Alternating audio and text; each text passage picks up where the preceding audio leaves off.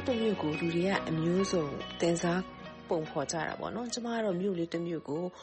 မိသားစုတစုရဲ့ပင်မဝင်ငွေဖြစ်တဲ့နင်းစီပန်းချန်တစ်ချက်အနေနဲ့ပုံဖော်ခြင်းပါတယ်မိသားစုဆိုတာဘယ်လိုတွေကိုဆိုလို့လဲဆိုတော့အဲ့ဒီတက်ဆိုင်ရာဒေတာမှာနေထိုင်တဲ့မြို့သူမြို့သားတွေနဲ့မြို့ကိုအုပ်ချုပ်နေတဲ့အစိုးရအာဏာပိုင်အဖွဲ့အစည်းတွေကိုဆိုလိုပါတယ်ပြီးလို့ရှိရင်ဒီနင်းစီပန်းလေးကဘာလေးကိုဆိုလို့လဲဆိုတော့ဒီနင်းစီပန်းလေးကလူတွေများစုနေထိုင်တဲ့မြို့လေးဖြစ်ပါတယ် ကျမတို့ဟာဒီမိသားစုဝင်ငွေသိဖို့အတွက်ဒီငင်းစီပန်းလေးကို ကျမတို့ကပြိုးထောင်အောင်ပါလေအဲ့ဒါမှ လူတွေက စိတ်ဝင်စားအောင်လို့ အဲ့လိုပဲ ကျမတို့က ဒီမြို့ကို ပြင်ဆင်ထားတာရှိပါတယ် အစိုးရအနေနဲ့ဘဒူတွေက ဒီမြို့ကလေးကို လာဝယ်ကြလဲဆိုတော့ နိုင်ငံခြားနေမှ လာတယ် ပြီးတော့ စီးပွားရေးလုပ်ငန်းရှင်တွေ ရှိမယ် ပြီးလို့ရှိရင်စက်မှုလုပ်ငန်းရှင်တွေ ရှိပါမယ် ဒီစီးပွားရေးစက်မှုလုပ်ရှင်ဒီဝယ်သူ၃ယောက်ပေါ့နော်ဒါတော့အဓိကအရေးကြီးဆုံးကျမတို့ဖောက်တယ်ကြီး၃ယောက်လို့ပဲဆိုကြပါစို့ဒီဖောက်တယ်ကြီး၃ယောက်ကိုလာဖို့ကိုယ့်ရဲ့ဒီပန်းလေးတွေကိုယ့်ရဲ့မြို့ကလေးတွေဝယ်ချင်ဖို့အတွက်ကျမတို့ကနံပါတ်1အနေနဲ့အရေးကြီးဆုံးအောင်ဘာလို့လဲဆိုရှင်နင်းစီပန်းတပန်းနင်းစီပန်းတပွင့်ကိုကြည့်လို့ဝယ်တော့မယ့်အချိန်မှာဆိုရင်အဆူးမဆူးမိဖို့ကအရင်အရေးကြီးပါတယ်အဲ့လိုပဲကျမတို့ကဒီဝယ်သူတွေဖောက်တယ်ကြီး၃ယောက်အတွက်လုံခြုံရေးအရင်ကောင်းဖို့အတွက်ဘေးကင်းလုံခြုံအောင်လို့ကျမတို့သက်ဆိုင်ရာအစိုးရနေပြီးတော့လုံခြုံမှုတွေအပြည့်အဝပေးရပါမယ်ပြီးလို့ရှိရင်နံပါတ်1အနေနဲ့ကျတော့အခွန်အခွန်ကောက်ခံတဲ့နှုန်းပေါ့နော်ဒီစီးပွားရေးလုပ်ငန်းရှင်တွေကိုကျမတို့ကတိကျအခွန်ငွေတွေ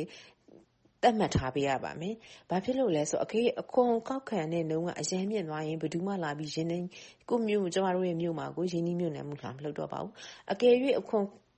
ကောက်ခံတဲ့နှုန်းကအရင်နေဝါခဲ့မယ်ဆိုလို့ရှိရင်ကျမတို့မျိုးရဲ့စီးပွားရေးကိုမသက်စေဘူးပေါ့နော်။ နံပါတ်3အချက်အနေနဲ့ကဒီလိုမျိုးစီးပွားရေးလာလုပ်ဖို့အတွက်ကိုကျမတို့ကအဆောက်အဦတွေလမ်းပန်းဆက်သွယ်ရေးတွေအဆင်ပြေအောင်လို့ကျမတို့ဘက်ကနေမှကြိုပြီးတော့ပြင်ဆင်လှုပ်ဆောင်ထားပေးရပါမယ်အဲ့တော့ဟိုလမ်းတရားတွေဖောက်လုပ်ထားပေးရမယ်ပြီးလို့ရှိရင်ဆက်ဆက်သွယ်ရေးကောင်းမွန်လာအောင်လို့ဖုန်းလိုင်းလို့အင်တာနက်လိုင်းတို့ကိုကျမတို့လုပ်ထားပေးရမယ်ပြီးလို့ရှိရင်ဒီစီးပွားရေးလုပ်ငန်းလုပ်ကိုင်ဖို့စက်မှုလုပ်ငန်းတွေလုပ်ကိုင်ဖို့အတွက်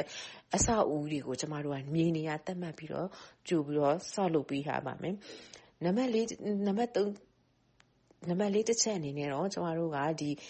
အစားအသောက်ပေါ့နော်ဥမာအားဖြင့်ဆိုရှင်ကဘာလက်ခီးတွေက ဘာတွေစိတ်ဝင်စားတတ်လဲဆိုတော့ ဒေတာခံမှာရှိတဲ့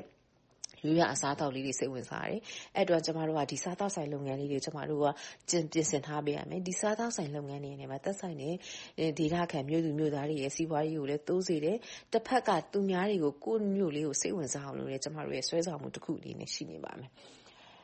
နံပါတ်5တစ်ချက်အနေနဲ့တော့ဒီလိုပဲလာလည်တဲ့လူတွေရောအလုပ်လုပ်တဲ့လူတွေရောမြို့လူမြို့သားတွေမှာ